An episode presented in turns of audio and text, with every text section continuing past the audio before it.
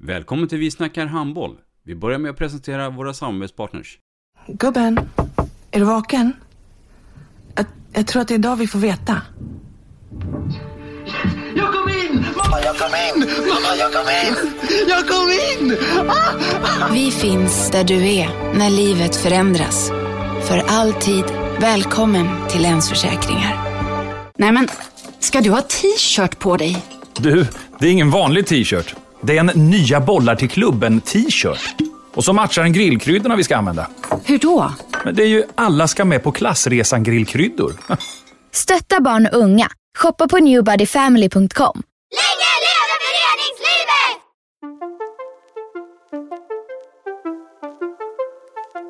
Välkommen säger vi till dig som lyssnar till den nya handbollspodden Vi snackar handboll med Robban Z och Dagge. Vi snackar handboll, där du får veta alla sanningar som du inte visste att du missat. Vi snackar handboll. Idag i programmet Vi snackar handboll så har vi en mycket speciell gäst, eh, Dagge. Ja, vi har ju det. Eh, vi har Micke Fransén eh, hos oss här, eh, som går in på sin tionde säsong i Allingsås. Eh, som eh, alltid, alltid levererar när det är dags för slutspel eh, fram på vårkanten. Välkommen Micke. Tack så mycket. Karl-Henrik Mikael Fransén, född 27 november 1971. Vem är det? Ja, det är, det är ju en snart eh, 50-årig gubbe nu då. Eh, något vithårig nu för tiden som eh, Ja, eh, föddes i Linköping, gamla härliga Östergötland eh, och flyttade därifrån när jag var nio ner till Kungsbacka. Eh, och där eh, ja, började jag spela handboll när jag var 11. Eh, första kullen som eh, Aranäs hade ute i Onsala, eh, lite på landet. Kjell Vinsnes och Anders Bengtsson var tränare. Eh, min eh, kompis Tobias tog med mig på, på handbollsträning och därifrån är det så mm, ja, höll på med fotboll och handboll eh, men eh, handbollen var klart roligast. Hade väl inga sådana ambitioner egentligen, spelade i Aranäs till jag var 21 år och där då blev jag värvad till RIK som en doldis. Jag spelade division 2 handboll och så gjorde jag tio säsonger i RIK och i en fantastisk era under RIKs ja, period där. Så det blev några SM-guld där. Mm. Hörru du, vi backar tillbaka till den 27 november 71 när Fransén föddes. Berätta lite grann om, om Linköpingsåren där. Du, du flyttade i och för sig när du var nio. Ja, alltså jag har ju inte jättemånga minnen från Linköpingsåren. Jag bodde ute i Ljungsbro. Eh, känd för sin akvedukt, det har du koll på va? Mm, det är. Håverud och Ljungsbro som har eh, akvedukt där. Eh, så att, eh, och där spelade jag fotboll, eh, ingen handboll alls. Eh, även om de har en fin handbollsförening så, så var det fotboll där. Mamma och och lite pappa då? bandy. Mamma och pappa, inte så mycket idrott faktiskt. Eh, sådär. Eh, farsan spelade lite korphandboll som vi var och kollade på. Och så gi- givetvis så var vi inne och kollade på Saab. Mm. Med, med, med de fina spelarna där. Mm, Men ett genu genuint idrottsintresse från tidig ålder eller? Ja, men ja, ja eh, farsan var ganska bra på det och ta med oss barn på aktiviteter och kolla olika idrotter och sådär. Och Det var rally i skogarna, det var inte så jävla kul, det var kallt som fan och så stod man där vid elden och, och så hörde man en bil komma så sprang man ut och kollade och så vuff, åkte den förbi och sådär. Men det var massa idrott i alla fall eh, som vi fick gå på och kolla på. Och det, och det, det är klart att det skapar ett eh, intresse sådär, för idrott överhuvudtaget. Tog ni med er hela familjen ner till Kungsbacka sen? Ja, jag flyttade till Kungsbacka först och sen efter något år så flyttade vi ut till Onsala där då. Och det, ja, mina bröder började även spela handboll ute i Onsala då. Mm. Att, eh, när började du känna in, intresse för just handbollen här då? ja men det blir när, eh, eh, när man spelar fotboll förr i tiden så, så eh, jag håller i nu ungdomar, men vi spelar på grus. Mm. Och det var inte kul på vintern alltså. En stenhård boll, eh, varm saft i halvtid och eh, plastpåsar i skorna. Nej, det var, inget, det var inte så härligt. Och min spelstil var, var lite som i handbollen. Jag, jag försökte kämpa och det var mycket skrapsår och sådär. Så att eh, handbollen eh, var dels mer utmanande tycker jag än fotboll. Eh, sådär. Alltså att man, eh, man spelade på lite mer positioner, man fick eh, göra lite mer saker än i fotbollen så hade man knappt någon bollkontakt. Eh, sådär. Eh, så, att, så att handbollen var roligare. Helt klart, man fick välja. Aranäs på den tiden, var, det var rätt, eller betydligt mindre förening än vad det är idag, Mm. eller? Ja, nu är det en ja, eh, topp tre i Sverige med ungdomsverksamhet, Mm. över tusen aktiva. Eh, så att eh, då hade vi väl inte så många lag i, i seriespel och det var inte så stora kullar heller som spelade. Men, eh, men en anrik fin förening. Ja, division 2 på här sidan då. Ja, då Ja. var det det. Ja. Eh, sen eh, kom jag tillbaka som tränare sen och då avancerade vi. Men, men eh, då var det division 2. Vi kommer ju in så småningom på Alingsås naturligtvis, men känner du ändå att i hjärtat så är Aranäs din moderförening?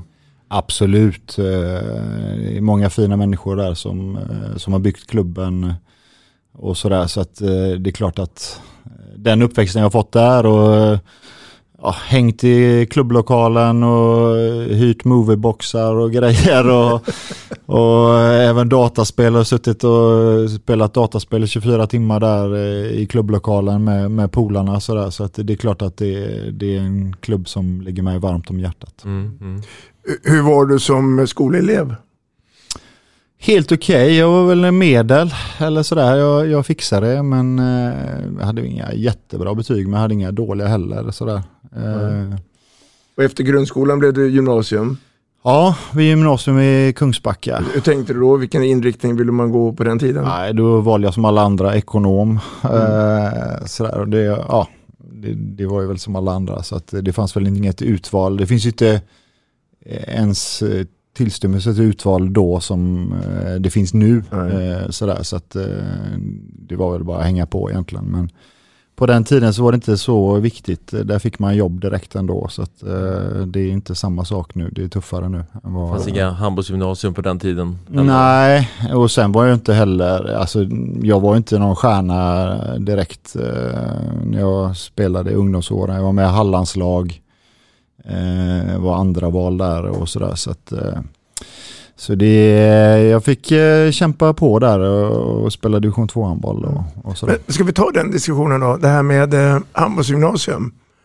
Är du för eller emot?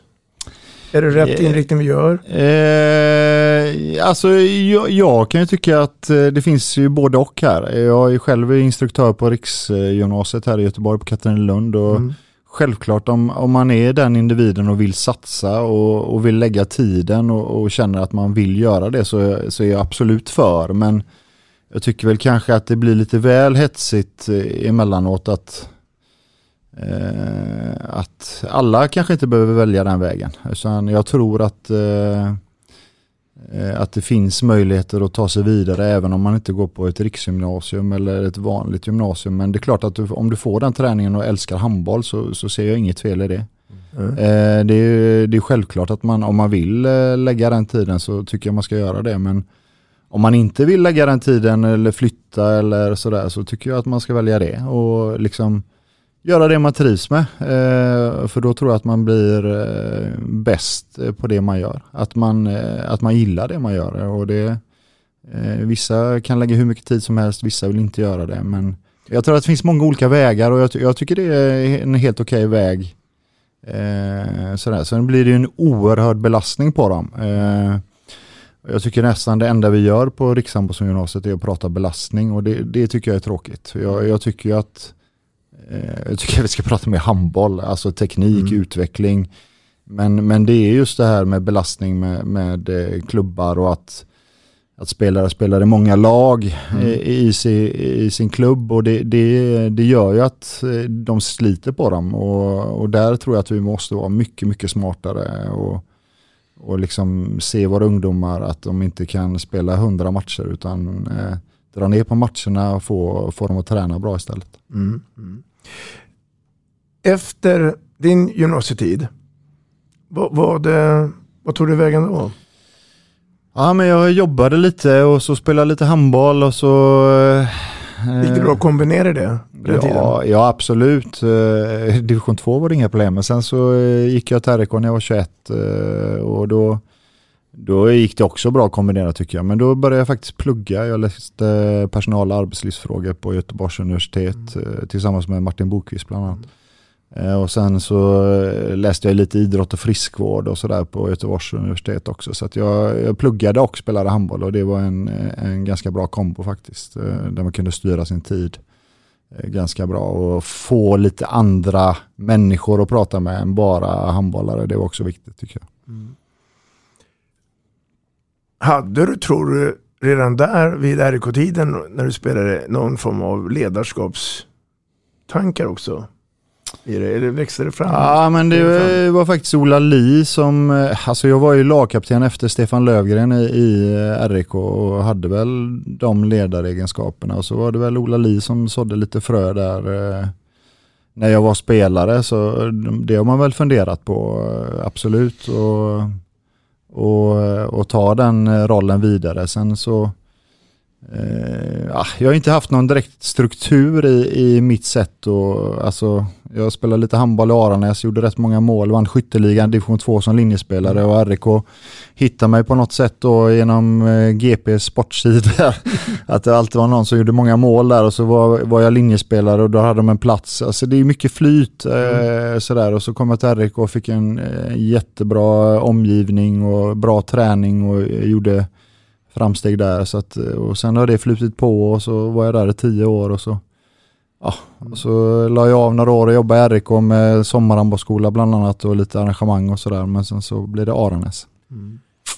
Vi, vi har ju haft eh, många gäster här, har du hunnit bli faktiskt, som har via... Jag är inte först alltså. Vad, nej, nej, tråkigt. precis. Vi, så, som har gått vägen via RIK. Ja. Eh, och alla de i din generation eh, under de åren pratar ju om betydelsen av Ola Li och Reine Pedersen. Ja, det, det, Du får gärna ta oss vidare lite grann. Nej men det, det var ju två tänkande herrar som, eh, som ville ta eh, ja, RIK och svensk handboll framåt. Så de var ju på studieresor i Jugoslavien och tittade på hur de tränade och, och bestämde sig helt enkelt. Och det, det var ganska bra par för Ja, eh, Reine eh, var väl den lite tuffare varianten, Ola lite mer tänkande varianten. Så de, de kombinerar varandra ganska bra, en bra kombo. Eh, som, som börjar bygga en verksamhet eh, tillsammans. Och, och det är klart att de hade mycket stor del av den framgången eh, i RK där. Och det, ja och på den tiden så kostade det inte så mycket pengar heller. De hittade lite division 2-spelare, de hittade lite talanger som ingen annan ville ha och så gjorde de dem bra och såg eh, spetskompetens hos dem eh, och sådär. Så att eh, nej, de, de var otroligt viktiga. För Om vi backar bandet lite ytterligare 15-20 år och blickar tillbaka på Göteborgshandbollen så Håkan Drat, Lars-Erik Sell, eh, de som var gurus på den tiden. Eh, var de två som jag nämnde där förebilder för Pedersen och Lee? Ja, det vet jag inte faktiskt vad, vad de hade för förebilder. Jag tror med att de körde sitt eh, race faktiskt. Alltså att de försökte hitta sitt egna, egna tänk och, eh, och som sagt var bara den, den grejen åka till Jugoslavien och titta på hur de arbetar där på den tiden. Så, så för att sätta sina idéer och så ta det till sitt eget. Jag tror inte man kan kopiera utan jag tror det var det som gjorde att RK var bra. Att man, man körde sitt race. Det var det var ett tråkigt nötande rullespel och det var ett eh, tråkigt 6-0 egentligen sådär med, med ganska vassa kontringar. Även om man tittar på gamla filmer så går det ganska fort med Lövgren och Vranjes och, och i andra fas och sådär. Så, att, så att man hade sin spelmodell och sin spelidé som man absolut inte gick ifrån och, och höll sig till den och var oerhört konsekventa. Hur mycket har du applicerat liksom de tidiga tankarna till ditt eget ledarskap? Nej men just det, hålla i är väl eh, det. Är väl det. Alltså, där tycker jag det är en stor skillnad på dagens handboll med, eh, med den handbollen för eh, när jag tränade så var den oerhört mycket tråkigare. Nu ska allting vara så jävla roligt hela tiden och man ska hitta övningar och det ska vara aktivitet och det, det är liksom, eh, och, men det blir inte det här nötandet och det har jag väl tagit med mig ändå så att jag, jag är nog inte jag är nog inte världens roligaste handbollstränare utan man, ska man få resultat så tror jag på eh, liksom Kontinuitet. Ja, men att man nöter in saker, att man, man lär sig välja i de olika momenten för att man har varit i situationerna förut. Och det är liksom, det är inte så här att man kan pricka av någonting när man, när man har gjort något bra, att oh, du kan jag gå vidare till nästa, utan det gäller att nöta och nöta, känna igen sig i situationerna, eh, känna sig trygg i de valen man får. Eh, sen så Sen så kan man kanske inte spela det rullespelet med två dubbla kantväxlar och, och sätta tryck som man gjorde förr. Liksom. Det, det är klart att handbollen utvecklats och att handbollen går mycket fortare.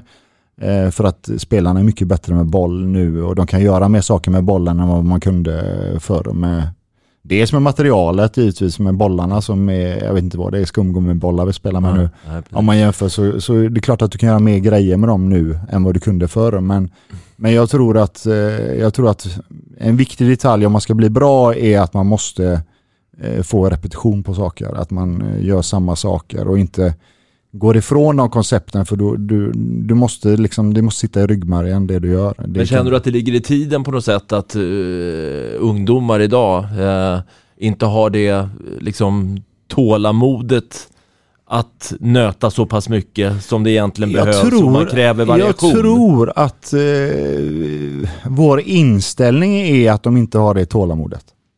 Alltså, Okej. eh, alltså Ja, jag, jag, vi antar det, menar du? Vi antar att Ja. de inte har det tålamodet men jag tror att vill du bli bra på en sak så, så måste du nog lära dig det att man kan inte bara springa vidare till nästa grej utan man måste ha grunden först innan man, innan man tar sig vidare. Eh, Sen så är det vissa som snappar eh, fortare givetvis. Men, men det är klart att det är mycket mer intryck nu än vad det var förr. Det är inte så mycket att springa hem till förr kanske.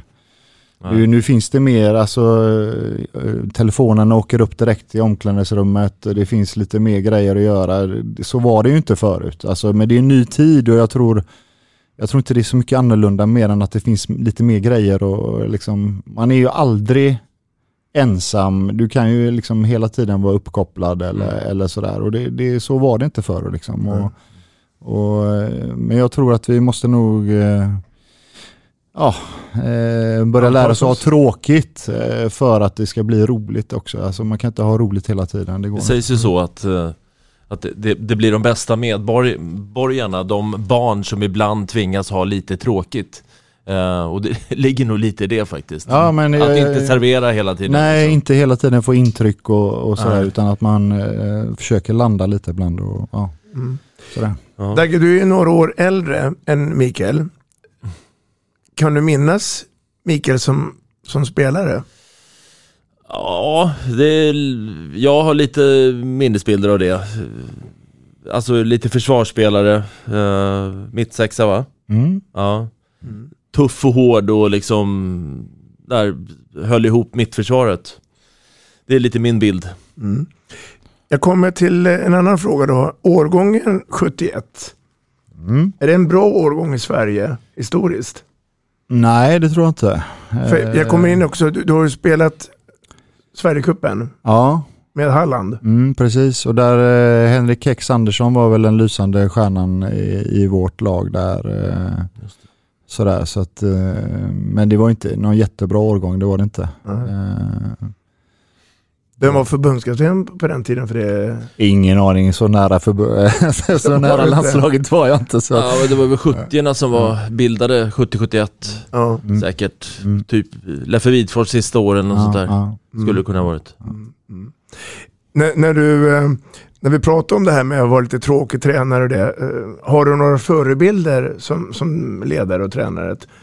Jag ser upp mot honom, exempelvis Ingmar Eriksson eller Skevert eller. Ja, alltså eh, Reine, Ola och Johan Eklund, det, det är självklart att det är liksom de jag har jag blir bra som handbollsspelare under deras ledarskap. Så att det är klart att de är mina förebilder. Men sen Sen i Aranäs så hade jag ju liksom eh, Hans Åkesson eh, som, eh, som ledare.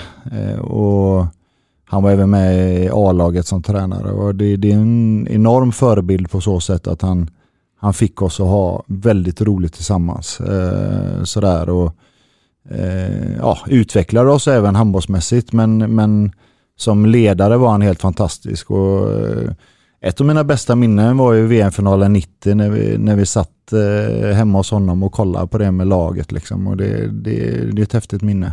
Eh, så han, så han var oerhört viktig för våran grupp och eh, jag tror att han betytt väldigt mycket för de killarna just eh, i, i mitt lag där. Så att, att han, ja, han fick oss på rätt väg. Eh, alltså, det är det idrott handlar om. Det handlar ju om att man, man skapar en lagkänsla och en grupptillhörighet som gör att du kanske kan hålla dig borta från skit. Det är väl det det handlar om egentligen för att man har någonting som är viktigare än att göra massa struntsaker. När vi ändå är inne på ledare här så, så är det ju liksom just nu egentligen på väg att dyka upp en ny generation yngre tränare i handbolls-Sverige. Jag tänker på Micke Appelgren och Jesper Östlund och, eh, och så vidare och så vidare. Känner du att den generationen tränare eh, kommer med någonting nytt? Som är annorlunda? Ja, det gör de väl. Alltså, eh, för det första är det ju oerhört kul att, eh, att det kommer lite unga tränare, att det, det finns den här amb- ambitionen och jag tycker väl att de, eh, de har en större ambition än vad vi hade kanske på våran tid och, och lägger nog mer tid på det än vad vi gjorde. Dels med, med analys och video och, och klipperi och sånt. Eh, Så, eh, och där, där tror jag att de, de ligger före oss där eh, på så sätt att de har växt upp med det på ett helt Mm. annat sätt.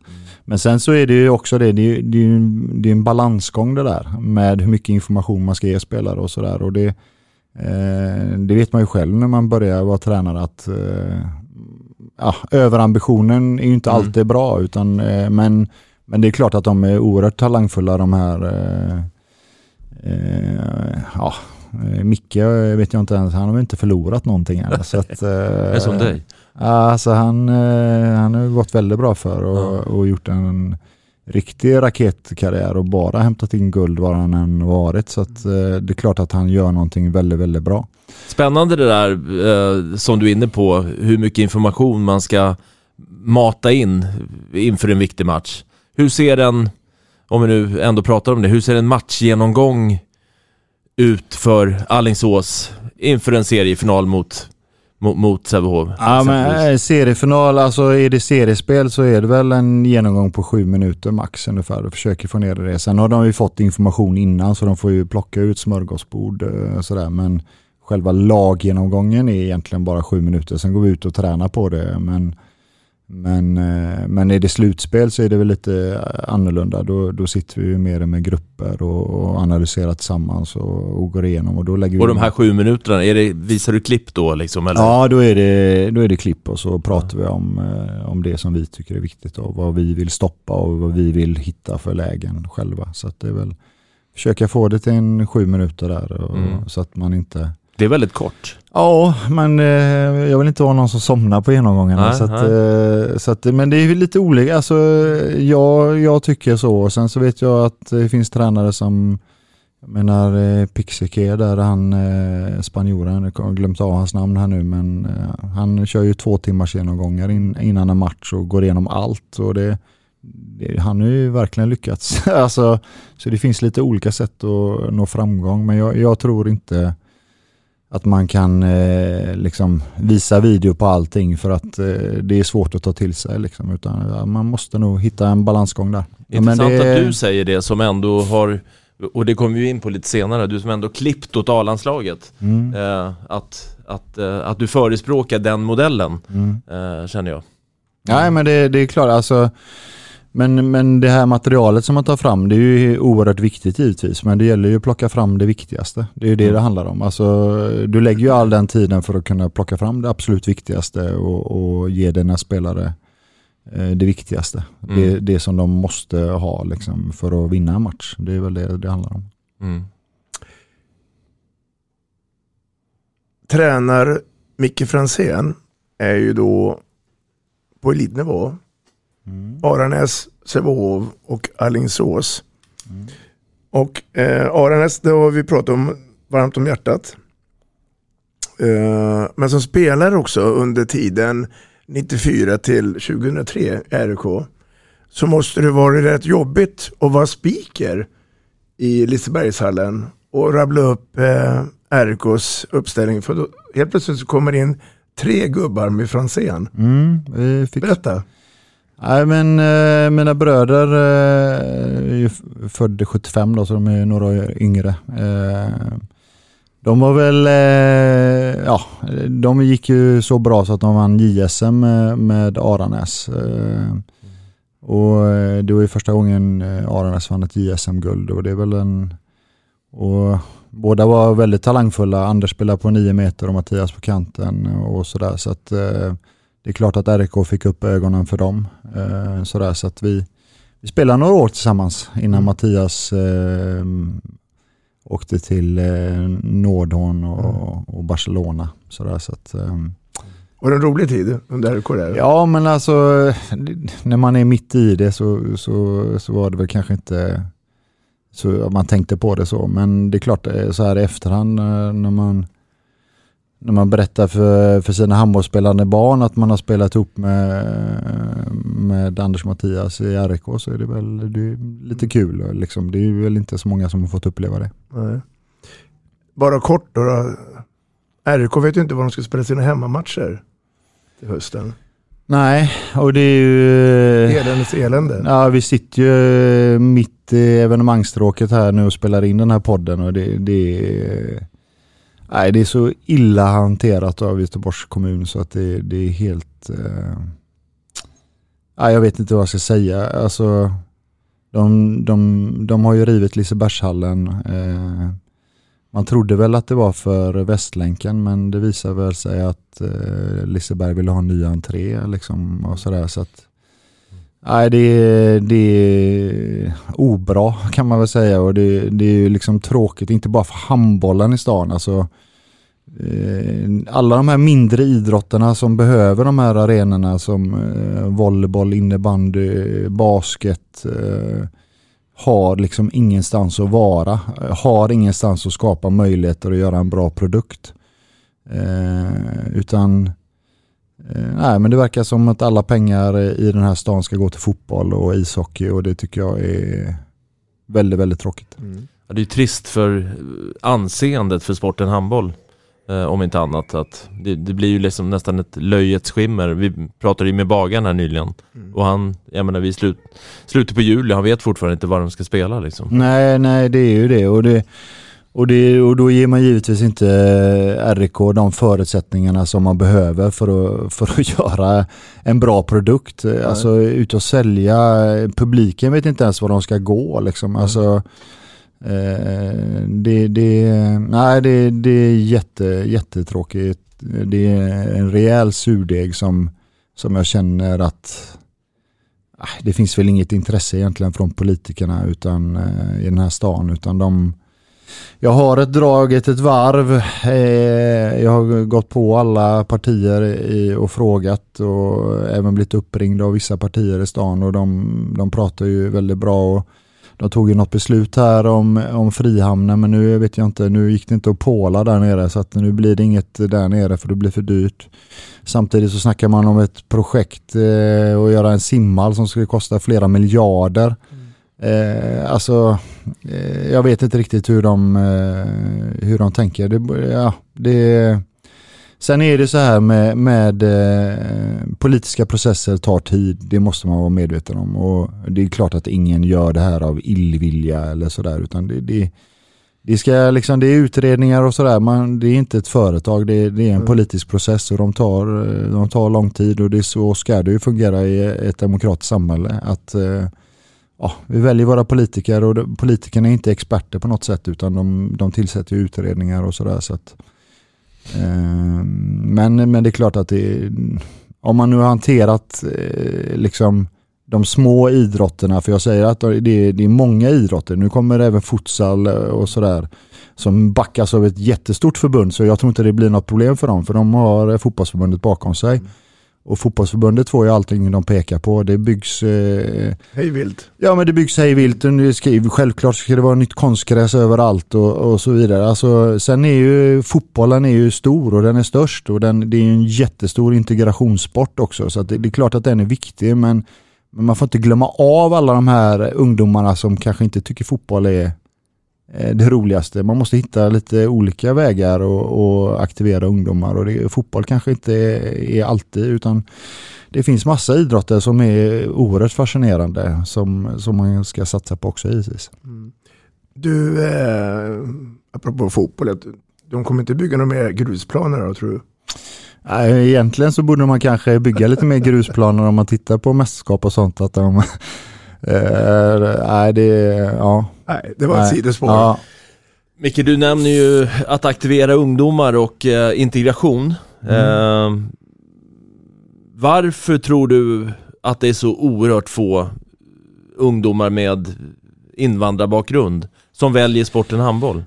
Alltså den stora gåtan är ju egentligen eh, när vi hade invandring från Balkan där att vi inte har fått till eh, alltså mer ungdomar som spelar handboll. Men alltså basket är ju stort i, på Balkan också givetvis. Mm. Men där känner jag att där har vi misslyckats totalt med, för där vet de ju ändå liksom vad handboll är. Mm. Sen så är det väl lite svårare om vi, om vi om vi tittar på Syrien och, och den flyktingvågen som kom, liksom, det, där är ingen som vet vad handboll är. Det är fotboll och basket eh, som, som är den sporten. Men sen så, eh, jag tror ju att vi, vi är dåliga på, eh, på att möta folk. Vi, vi, det är oftast handbollare. Alltså det är inte så att det kommer in så mycket nytt folk i våran sport utan det är gamla handbollare som tar över och Eh, exempelvis jag har många fotbollstränarkompisar som inte har varit tränare innan som kliver in med fotboll och är mm. bara helt sådär. Och,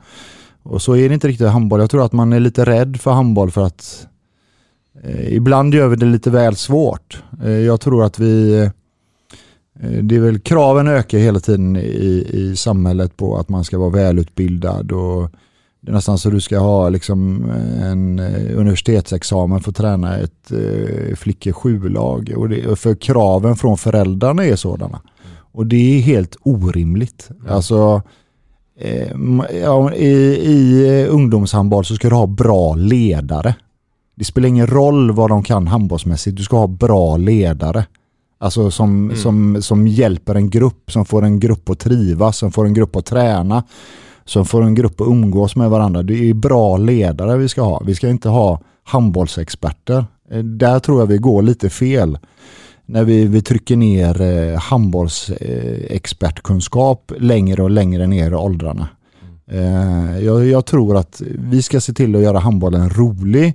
Vi ska se till att man skapar goa gäng som, som umgås och, och blir... Intressestimulans. Ja, och som liksom handboll, det är ju det, det, är ju en del av livet liksom. Och sen så får man se om det är några som blir bra. Det är inte så att man behöver... Eh, det är, det är ett få förunnat antal som blir bra. Det är inte många som blir ja. topp i, i, Sverige och allting utgår egentligen från att alla ska bli topp i Sverige just nu i tänket. Och jag, mm. där, är, där är vi illa ute för där eh, det bästa vore väl om vi hittar massa bra ledare, att vi hittar bra domare, att vi hittar föreningsmänniskor, vi hittar mm. en, en gemenskap, alltså att handbollen är en gemenskap i första hand, inte inte det här elittänket ja. för tidigt. Nej, precis, vi jagar titlar, vi, vi har nu i och för sig då så har man ju tagit bort resultat, det kan jag tycka vad jag vill om. Alltså sådär. Det, det fattar jag inte heller riktigt för, för barn fattar ju själva vad det står i matchen. Och, och alltså vi, vi tävlar ju, vi ska ju mm. tävla. Mm. Men, men eh, skapar du en bra grupp så, så, så är det inget problem. Mm. Och har du en bra ledare som inte vill vinna till, alla, till varje pris utan eh, liksom bygga människor, då tror jag att vi där tror jag vi har gått fel och, och det, där tror jag att det ligger lite i att handbollen eh, det, blir för svårt och vi uttrycker oss lite för svårt. Handboll är inte så jävla komplicerat egentligen men, men när man tittar på tv så är, alltså fotboll kan alla förstå. Mm. Eh, det, det, är jättelätt att förstå. Det är inte, det är inte alls eh, eh komplicerat. Alla vet vad offside är och, och sådär. Även om det är jävligt komplicerat så, så men handboll är, vi gör det lite för svårt tror jag. Och, eh, och inte så välkomnande. Eh, alla tycker att det är en rolig idrott, att, eh, att både tjejer och killar fightas hårt och, liksom, och det smäller och det är sådär. Eh, så att, men det, det är typ eh, när landslagen spelar och eh, när det är OS som, som vi får det här berömmet. Sen så, sen så glöms det av. Och... Känner du att, att vi inte riktigt har jag, jag sitter och funderar på det, för att det är väldigt mycket människor som tittar på mästerskapen. Och som du säger, när det är OS, EM, eh, VM, eh, då tittar gemene man på TV4 och lyssnar mm. på, på Pärlskog och, mm. och Hellgren liksom. Eh, och alla åsikter. Men sen när vi kommer tillbaks till vardagslunken, eh, så känner jag åtminstone att vi inte liksom lyckas spinna vidare på den där effekten som vi ändå fått av av massiv tv-sändning. Nej men så är det ju och det har ju varit dåliga med under många år. Vi hade ju ett herrlandslag som dominerade, som alltså vann VM och var tvåa i OS. Och, och nu har det börjat hända igen eh, grejer i, i herrhandbollen. Och eh, damhandbollen är ju också eh, liksom, eh, eller handbollen, alltså vi är ju med och fightar om medaljer både på dam och herrsidan liksom. Och det, det, är klart att det är viktigt för att synas men, men sen så går vi ifrån det där lite att det blir mindre och mindre klubbar också, det ska vi också vara medvetna om. Alltså, det, alltså för att skapa det här elitsystemet så krävs det en bra organisation.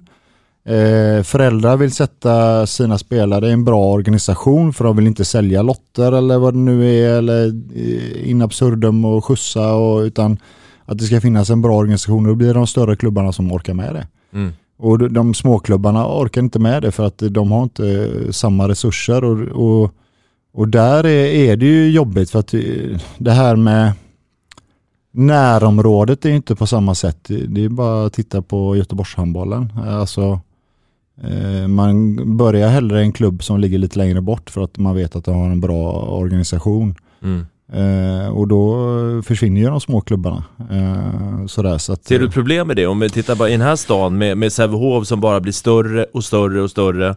Eh, medans det blir färre och färre föreningar. Ja, det är, det är ett jätteproblem. Mm. Vad, hur roligt är det att spela mot eh, Önnered, Sävehof eh, hela tiden? Liksom? Mm. Det, alltså, där måste det också hända någonting och, och jag vet att eh, alltså, jag vet att föreningarna själva kanske inte vill bli större men att det är föräldrar som ligger på att, eh, att barn vill flytta liksom och, och testa och sådär. Och, eh, och då om det är en spelare som flyttar i ett litet lag så, så är det ju tyvärr mm. kört. Mm. Alltså att bedriva en verksamhet för då eh, så att ja, helst hade jag ju velat att alla stannade i sina föreningar och kanske fick lite hjälp av storklubbarna om man har någon talang där att eh, lite extra pass eller komma och träna med oss någon gång men spela där och, och sådär. För man måste ju ha motstånd också, man kan inte bara spela mot sig själv. Mm. Eller sådär. Det, det är ju en oerhört eh, komplicerad fråga givetvis och det är svårt att vända den trenden, så är det ju. Mm. Men, eh, men jag tror att det inte är bra för svensk handboll heller för att jag tror att det blir för likriktat. Eh, de stora klubbarna har jättebra blåa trådar, röda trådar, grönsvarta trådar och röda trådar. Men, men, eh, men det kommer inte upp de här spelarna som kanske inte fått den här eh, Alltså jag, jag, tror att man missar många talanger för att alla är för likformade. Jag mm. tror att man är med, som jag sa innan, att att tränarna har en jättebra handbollskunskap vilket gör att man kanske rättar till en arm i sju års ålder. Vilket gör att alla ser likadana ut. Alltså det kanske, det alltså kanske kommit fram en arm som ingen har sett innan som hade varit magisk. Mm. Liksom. Och, det, och där tror jag att vi, vi försöker likforma spelare istället för att de kanske får hitta sitt egna eh, Eh, egna driv och egna kvaliteter och, och och eh, där, där, där tycker jag det är ett problem. Jag, jag hade en eh, intressant diskussion med min kompis som är väldigt eh, tennisintresserad. Eh, och då frågade jag honom varför, varför får vi inte fram några svenska tennisspelare? Alltså med den historien vi har eh, så får vi inte fram några som är liksom i toppen längre. Och då, då hävdar han att alla det är hans teorier här nu, inte, det är inget som jag har, ingen universitetsstudie, mm. men, men att alla är välskolade, alla, alla spelar alltså stenhårda slag och, och, och sådär och får en backhand servar, så här, allting är stenhårt och bra teknik och sådär men, men de kan inte vinna matcher för att de vet inte hur de ska sluta motståndare. Ibland kanske det är bättre att spela stoppbollar, men då slår man hårt hela tiden liksom och, Mm. Och, och gå på teknik, teknik, alltså det gäller att vinna matcher. Alltså idrott går ut på att vinna. Det, Mm. det handlar inte om att ha bästa tekniken. Det handlar om att, att, att vinna matcher. Och, och det är likadant med handbollen tror jag. Att vi, det, det är inte bra om alla är likadana. Mm. Utan vi behöver ha de här eh, spelarna som sticker ut lite. Och, och, och det är ju risken också om vi har för stora klubbar givetvis. Och att alla blir för välutbildade. Att man inte, att man inte får gå sin egen väg utan att vi, När, när jag sitter och lyssnar på er två så, så får jag också en bild av att allt är ju inte nattsvart. Ehm, för att jag tycker också utvecklingen har blivit att vi har blivit hetare internationellt med ungdomslandslagen. Både på killar och tjejer. Håller ni med om det eller? Ja, men alltså det, det, det, ju, det ser ju jättebra ut eh, tycker jag. Och, eh, och dels eh, göra de resultaten med de resurserna som vi har. Om man jämför med andra länder så är det väl fantastiskt. Alltså det är ju inte många dagar de får träffa de här ungdomarna. Eh, så att eh, det är ju det är ett jättebra jobb av de förbundskaptenerna som, som, eh, som kämpar med det där. Och, eh, men, och sen så tycker jag väl att de har ganska sund inställning när man läser hur de tänker där. Så att, eh, det, det känns väl bra. Det, alltså, jag är inte orolig för svensk handboll om, om 10 år men om, om 20 år kanske. Alltså att vi, att vi har väldigt många, eller få klubbar som spelar handboll och, och jättebra organisationer men alla är stöpta i samma form liksom och det, det, det tror jag inte på riktigt. Nej. Du, ehm, Micke Franzén. 2004-2010 så gör ju du en resa tillsammans med bland annat Jerry Hallbäck i Aranäs. Mm. Får upp dem från division 2 upp till toppen av berget tänkte jag säga. Det blir Sävehof sen. Två säsonger. Och sen så hamnar vi där vi ska också prata en hel del om Allingsås. Men om du tar kort Aranäs och Sävehof-tiden. Aranäs är fantastiskt. Eh, eh, alltså eh, kanslichef eh, och eh, tränare. Så jag var kanslichef där i, i, i fem år eh, och samtidigt så tränade jag eh, div 2-laget då från början med Jerry som vi, vi har snackat lite om att ta ett lag och så dök det här upp. Eh, och vi gjorde några år i division 2, vann division 2. Då blev det helt plötsligt en ny serie mellan allsvenskan och division 2. Då blev det division 1 också. Vilket egentligen inte gjorde någonting. Vi, vi vann division 1 eh, direkt och sen så gick vi upp i allsvenskan och var där ett år innan vi gick upp i elitserien. Det är en fantastisk resa eh, som de killarna gjorde. Eh, många egna produkter eh, som utvecklades, eh, som spelade från division 2 upp till eh, elitserien. Och det, det var nej, det var en mäktig resa. Det var, var coolt. Och jag får rysningar än idag när man, alltså sista matchen mot Hallby när vi gick upp där med, med de spelarna som har varit med nästan hela vägen och sådär. Så att, nej, det, det är oerhört häftigt. Och en lång resa, men det, vi höll i den bra. Eh, hade ett koncept som höll och, och sådär. Eh, Hur, hur var fördelningen mellan dig och Jerry?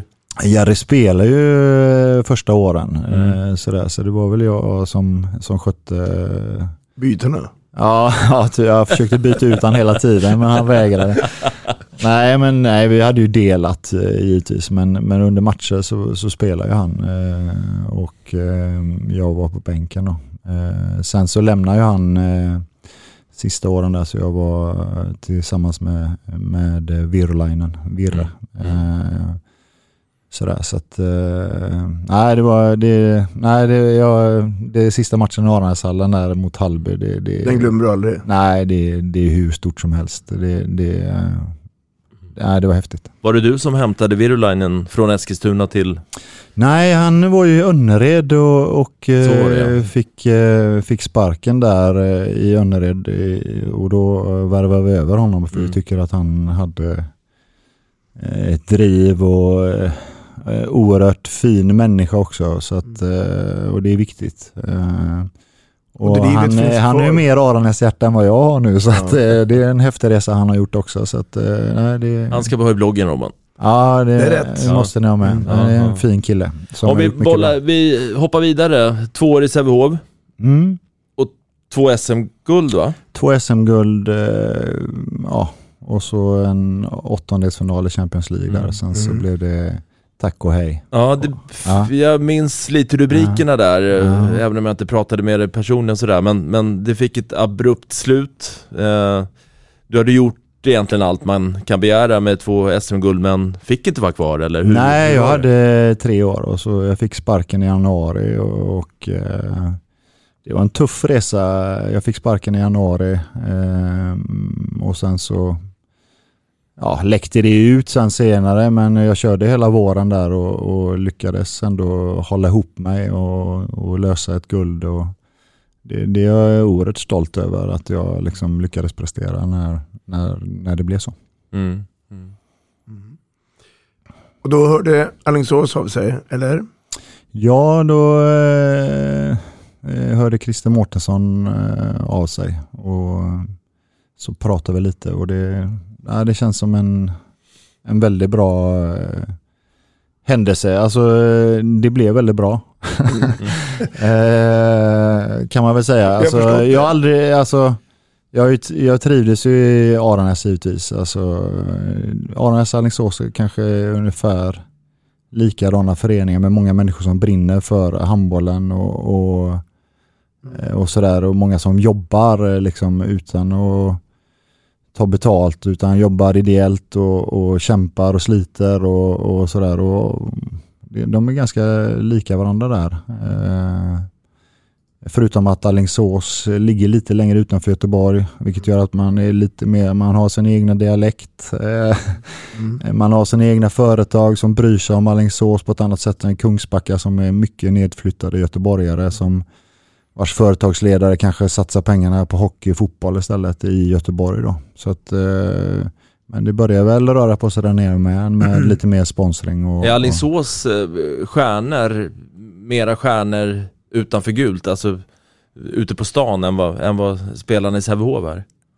Ja, absolut. Eh, Alltså, eh, alltså Partille, det är, ett, det är ett problem kan jag tycka att man har en arena som är eh, en av Sveriges bästa och att man inte eh, har mer folk. Eh, man har så stor verksamhet. Det är klart att det är och det, är, det är klart att det finns ett handbollsintresse i Partille men det, det finns inte den hysterin som, som det kan bli i Alingsås. Den här äktheten, alltså glädjen och, och sådär. Och det bubblar ju mer handboll i Alingsåsen så om de är sådana stjärnor vet jag inte. Det är inte, jag, jag, det är inte liksom ja, vi försöker att de ska vara ganska jordnära och sådär och, och jag hoppas att det, det märks och syns i stan också att de är inga stjärnor. De pratar med alla och ska göra det och Mm. vara eh, bra föredömen helt enkelt. Mm. När, när, när Christer Mårtensson ringde till er och eh, ni knöt ihop varandra, sa ni då någonting att vi ska jobba tillsammans över tid? Nu är vi inne i tionde säsongen. Mm, ja, han Och det menar han sa inte första gången vi träffades att vi ska jobba i tio år men, men det kändes bra från början. Det, det, liksom, eh, det tyckte väl både jag och, och föreningen, alltså att det kändes bra. Och det finns en äkthet eh, i föreningen eh, och en bra struktur, bra människor som arbetar i styrelse och, och liksom i, i ungdomsleden också. Eh, så att det, det, är en, det är en fin förening med, med många människor som arbetar och jag, jag trivs väldigt, väldigt bra i Alingsås. Och, eh, sen är det klart att har vi gjort, eh, efter våra förutsättningar så har vi gjort bra resultat. Eh, nu var det väl, i år var det inte så jävla roligt men men eh, ja, vi har ju ändå tagit oss till några SM-finaler eh, och sådär så att eh, i den situationen vi är. Alltså vi har ju inte högst budget, vi har inte lägst budget heller för den delen men vi har bra förutsättningar men, men kanske inte kan hugga på de bästa spelarna på så sätt utan vi måste bygga spelare och Mm. hittat rätt många gånger tycker vi och sådär så att vi har en bra miljö. Och, om, vi- om, ja, Ja, jag tänkte komma lite just till det där med att uh, Alingsås är ju en förening som i mångt och mycket inte alls är likadan som Sävehof i omfattning och storlek och eh, framgångar på ungdomssidan och sådär. Och jag tänker lite på den värvningsstrategi ni har haft, eh, som har varit otroligt lyckosam. Ni har tagit liksom typ de bästa i en väldigt tidig ålder. Mm. Eh, Konradsson och William Andersson Moberg och Lang och allt vad de heter. Ja, liksom. största, ja, Felix Klar har Felix också. Klar. Spelar i Champions League nu, final, eh, Final Ja, Four. Alltså, Precis. Ja, eh, nej men vi har haft en bra strategi där. Vi, vi, eh, eh, vi ger de spelarna mycket tid som vi värvar. Vi, vi ser ju liksom, vi har plats för de vi värvar och, och sådär. Och, och ger dem plats och yta och, och få verka och bli bättre. Och sen har vi många spelare som hjälper dem också. Alltså många spelare som varit med som hjälper dem att snabbt komma in i i hur det är att vara elitidrottare och sådär. Så att det, nej, vi har en fin miljö som vi har byggt Mm. upp bra tycker jag under många år. Sen var det den var ju inte alls dålig när jag tog över så vi har ju egentligen bara förbättrat oss varje år tycker jag. Och, och sådär och nu eh, Nej men nu tycker jag att vi har eh, liksom ganska fulländad eh, ledarstab ändå. Man kanske Mm. skulle ha lite mer pengar för att kunna göra lite mer saker men, men nu har vi nu har vi en fystränare på plats, vi har målvaktstränare, vi har liksom sjukgymnaster som knutna till oss och alltså vi har en väldigt bra organisation Mm. tycker jag. Och, och ditt samarbete med resten av ledargänget där då? Hur, hur funkar det? Hur, hur, har ni måndagsmöte med hela gruppen? Hur ser den här veckan ut grabbar på jobbet? Nej, inte varje vecka kanske, men det är klart att vi har möten och sådär eh, för att eh, dra upp riktlinjer och så har vi väldigt, väldigt många möten om när det gäller spelare och sådär och Mm. hur vi ska kunna få dem bättre och där, där ingår ju även eh, William Törnqvist då, som är våran eh, HP-tränare, juniortränare. Eh, sådär. Så att, eh, vi, vi har ju väldigt mycket möten för att titta framåt eh, och titta på vilka spelare som är på gång. Vi har ju ett, eh, ja, jag har ganska många bra ungdomar som kommer nu faktiskt som, som är egna och sådär som, som ser intressanta ut. Och, eh, så jag tror att framtiden för Alingsås är ljus, absolut. Mm. Din, din roll då, som huvudtränare då? Jag misstänker att det är lite andra saker också du ska göra. Du ska vara med i poddprogram och du ska vara med i media och, och sponsorer vill prata med dig. Eh, Eh, Hur, hur är du som en sån person? Eller vill du helst bara hålla på med Alltså, bollar? Och... Jag, jag är ju lite emot det här eh, samhället som börjar, eh, det här själv, eh, självförverkligande samhället nu med, eh, med lägga ut massor. Jag, jag, förstår, jag förstår konceptet att man måste synas och, och sådär men det är inte jag och jag, jag vill nog helst verka det tysta och, och jobba med mitt och sen visa resultat istället för att gå ut på på eh, media när jag har gjort något bra eller liksom jag tycker det är väldigt många som är ute och röjer där när det gått bra. Eh, och sen så kanske man inte riktigt är ute och röjer där när det gått dåligt utan ja, man visar ju bara upp en sida av sig själv i de här sociala medierna och det jag kan störa mig på det faktiskt. Men, men jag förstår ju att det är också en annan generation som är uppväxta med det här och, och liksom använder det. Och jag är inte, jag vill inte använda det. Jag, när jag är klar med handbollen så är det inte handboll för mig. Utan då, eh, då är jag inte inne och letar på handboll eh, på nätet eller jag kan kolla någon match hemma absolut, eh, men det mesta jag kollar på är egentligen våra motståndare och vår, oss själva. Det är inte så att jag Sen så har jag ju tur, jag har ju eh, en son som har blivit domare exempelvis som är intresserad av handboll och en, eh, en dotter som, som spelar handboll. Så det är klart att det finns ett handbollsintresse i familjen som gör att jag, jag får uppleva handboll. Men eh, för mig är det faktiskt roligare att gå och kolla eh, en match i division 5 i Vallhalla en fredagkväll. Det, det, är, det är en upplevelse tycker jag. Alltså, eh, men man kan konsumera hur mycket som helst egentligen. Men men jag tror det är viktigt att, att koppla bort det och, eh, så att man lägger den, det fokuset på det man ska göra och inte är ute och snurra i, i eten hela tiden. Eh, Och, och eh, din kära andra halva av livet, frun? Är det Ja. viktigt också vara... Ja men Heidi har ju varit med hela resan. Vi träffades ju vi träffades på universitetet och eh, jag har ju alltid spelat handboll och hållit på med handboll eh, när jag träffar henne och, och hon är ju inte hon är ju kanske inte, hon är idrottsintresserad sådär men hon har inte hållit på så mycket själv. Och, och, men det, det funkar bra när eh, ja, vi har ett ganska bra upplägg. Hon är ganska van att ha liksom, tid för sig själv och, och jag är ganska hon gillar serier, det gör inte jag. Då har hon tid när jag är borta på kvällar och sådär. Så att det, nej, men det funkar ganska bra tycker jag. Och hon har varit ett ja, väldigt bra stöd och, och jag hoppas att jag är ett bra stöd till henne. Så att, ja. Hörni grabbar, eh, Micke Franzén ska ju snart passera halva livet. Vi passerar ju då 50. Som domare tror jag att, eh, i varje fall i fotbollen, där har man en åldersgräns. Att efter 50 så får du inte vara elitdomare. Um, ska vi ha in det i handbollen också då, som tränare? Att, eller tycker ni att det är bara att köra på? Alltså helt ärligt eh, så tycker jag att det borde ju eh, men nu tycker jag ändå att det kommer nya tränare. Men det var ju ett tag som alla gick runt i, i klubbar och, och sådär och det, jag tror inte det är bra. Sen är det så här att vi måste ju försörja oss också, vi, vi äldre, så det är klart att man hänger i om man tycker något är roligt så det är klart att man, att man vill vara kvar i det. Alltså så länge det är roligt så, så klart du ska hålla på med det.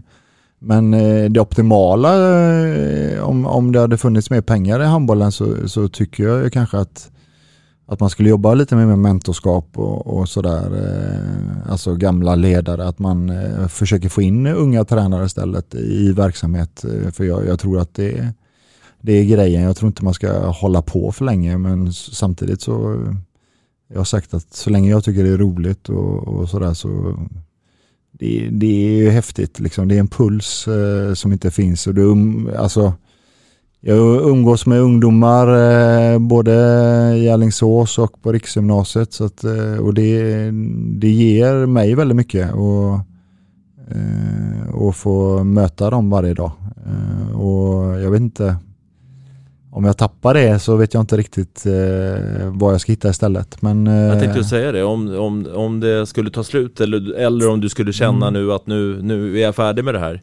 Vad, vad, vad skulle resterande tid i arbets... Nej men min önskedröm då är att bli taxichaffis och bara köra när det är radiosporten. så det är, det är, alltså, det är en guldtillvaro att få P4. bara köra, köra när det är radiosporten bara. Men Micke, det finns ju ett tänkbart scenario om ett liv. Barnen börjar bli äldre och äldre. En vacker dag kanske någon tysk klubb ringer till dig. Hej, vill du komma över och vara coach för oss? Kan du tänka dig att lämna landet?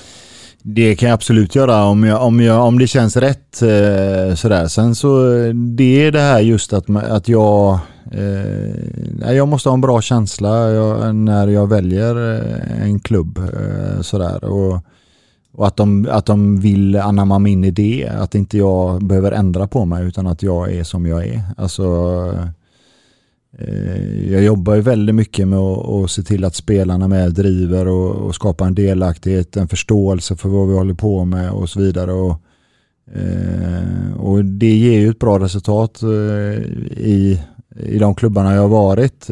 Sådär. Men sen, det gäller att komma till rätt miljö i så fall. Och, och sen så ska det stämma hemma också.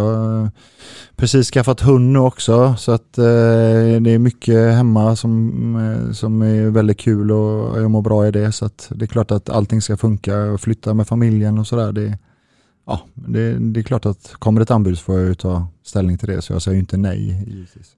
Dagge, jag, jag, eh, vi kanske ska vara på en sån här en, en kvällsdryck med tre streck på. Mm. Eh, vi behöver inte säga mera sorten där. Att jag tror att Micke kommer förr eller senare att bli proffstränare. Och den Du är ju redan proffstränare. Ja, det, det, det är rätt. Det är rätt. Alltså det här, den här diskussionen, de flesta spelarna har ju ändå betalt för att spela i Sverige så de är ju, de är ju proffs mer Ja. eller mindre. Sen har du lite betalt men det innebär ju inte att du tränar mindre för att du har lite betalt än att du tränar, ja, man tränar ju inte mer för man har bättre betalt. Så Nej. Så att, Nej, men jag, jag menar ju om, om du känner att jag vill, jag vill ge mig själv, alltså dig själv, en chans att se hur långt kan det här ledarskapet bära iväg, även utanför? Ja, absolut. Det, ledarskap är otroligt spännande och det är klart att, att man vill, eh, alltså, jag är inte orädd för att testa saker, det tror jag inte. Eller tror du att du hellre vill bli kollega med din vän och bli tennistränare? Ja, Precis. kanske lära dem lite stoppbollar och... Ja. Nej, jag har inte den kunskapen riktigt, det tror jag inte. När den här poddavsnittet sänds så har vi passerat olympiska spelen i Tokyo. Mm. Du skulle ju varit där egentligen om du hade velat, men du valde att tacka nej. Mm. Eh, om vi bara kort berättar lite grann då. Vi fick en ny förbundskapten i Glenn Solberg. Mm. Vad tänkte du då?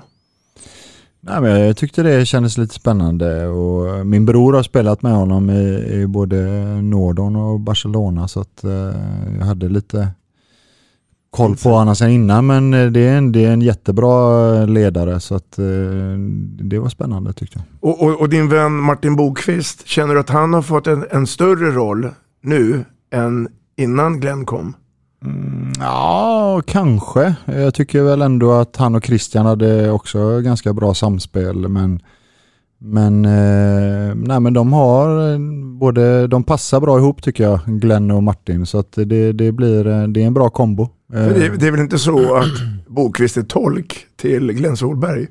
Nej, nej, eh, nej men Glenn är ju, han är ju bra på eh, liksom eh, få folk att bidra och, och sådär. Så att eh, han har gjort ett fantastiskt bra jobb. Och jag, nu gjorde jag bara ett mästerskap med honom så att, mm. Eh, men det funkade hur bra som helst. Och, jag tycker han har gjort det jättebra. När vi pratar runt lite så här så höjs det ju en del röster har vi kommit oss till känna liksom att det finns en del som tycker att det är märkligt att man går över ån för att hämta vatten.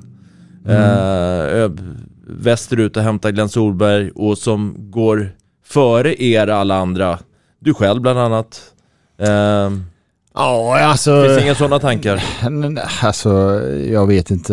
Det är väl... Eh Eh, det kanske hade funnits en sån ledare i Sverige, absolut. Men eh, det blir ju bra. Jag vet inte mm. vad man ska säga om det. Alltså jag tycker han gör det bra och jag hoppas att när vi nu sitter här och pratar att det har gått jättebra i OS eh, efter det här. Och, eh, ja, eh, nej, jag, jag, kan ju tycka att det, det kan vara bra att vi eh, få någon som kommer utifrån eh, som inte har varit den här gyttjan eh, i Sverige.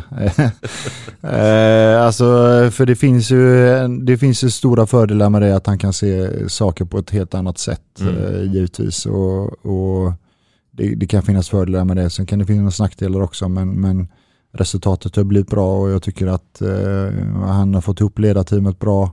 Han har fått spelare som han vill ha och fått eh, dem på plats i sina roller med tvåvägsspelare och, och mm. varit modig där tycker jag. Eh, sådär, så att, eh, men, men, det finns lite olika ledarstilar och de flesta funkar, alltså så är det ju. Eh, och det är det som är så fantastiskt för att eh, det finns inte bara en ledarstil och det är det som jag tror är bra. Jag tycker också att jag jobbar med Christian där att, eh, att eh, han gjorde det jättebra på sitt sätt liksom och, och gjorde några fantastiska mästerskap också så att eh, han är lite annorlunda eh, om man jämför med Glenn så att det, det är klart att det, det är utvecklande med många olika ledarstilar tror jag och det, det är viktigt att vi, att vi inte, precis som spelare, att man inte är likadan utan man mm. har lite olika ingångar på det så att, så att helheten blir bra. Mikael Fransén. Det är dags att eh, sätta punkt. Um, tusen tack för att du har valt att ställa upp i Vi snackar handboll. Stort tack för att jag fick vara med. Tack mycket. Vi snackar handboll. Ja, vi har ju hört då Mikael Fransén, Dagge, och eh, en härlig personlighet. Ja, onekligen. Eh, när jag sitter och lyssnar på honom och pratar med honom här under en timmes tid så, så slås jag av några saker och det är att Micke Fransén är en ledare ut i fingerspetsarna. Eh, och jag slås även av några andra saker och det är att han är, ja, han, han har en idé som han genomför eh, och som han inte gör avkall. Han kompromissar inte med sina egna idéer och kanske är det den största anledningen till alla de framgångar han har haft de senaste 15 åren. Han belyser det här med kontinuiteten, lite kanske gammaldags tränare, lite tråkig tränare.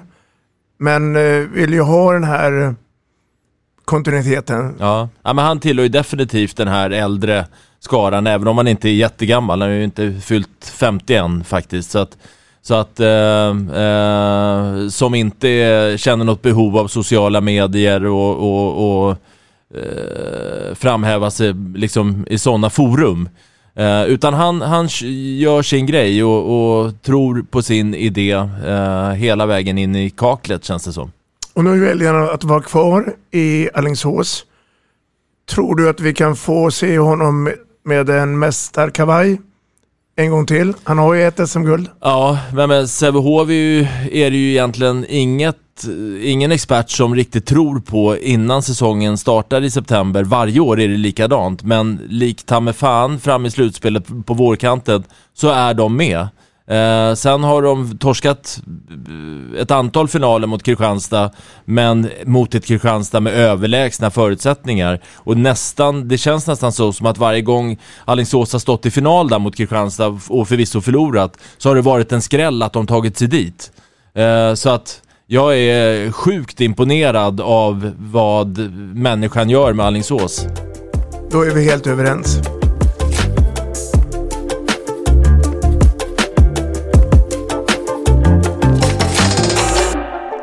Vi snackar handboll, där du får veta alla sanningar som du inte visste att du missat. Vi snackar handboll. Vi snackar handboll produceras av produktionsbolaget High On Experience, från vision till passion.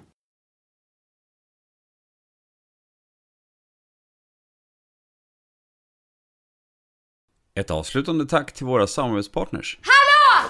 Kommer ni eller? Ja, ja. Har du sett mina ankelsockar? De här? Nej, nej, jag menar skridskoslip till juniorlaget Ankelsockarna. Ja, men kolla bredvid träningsläger med handbollstjejerna-t-shirtarna. Stötta barn och unga.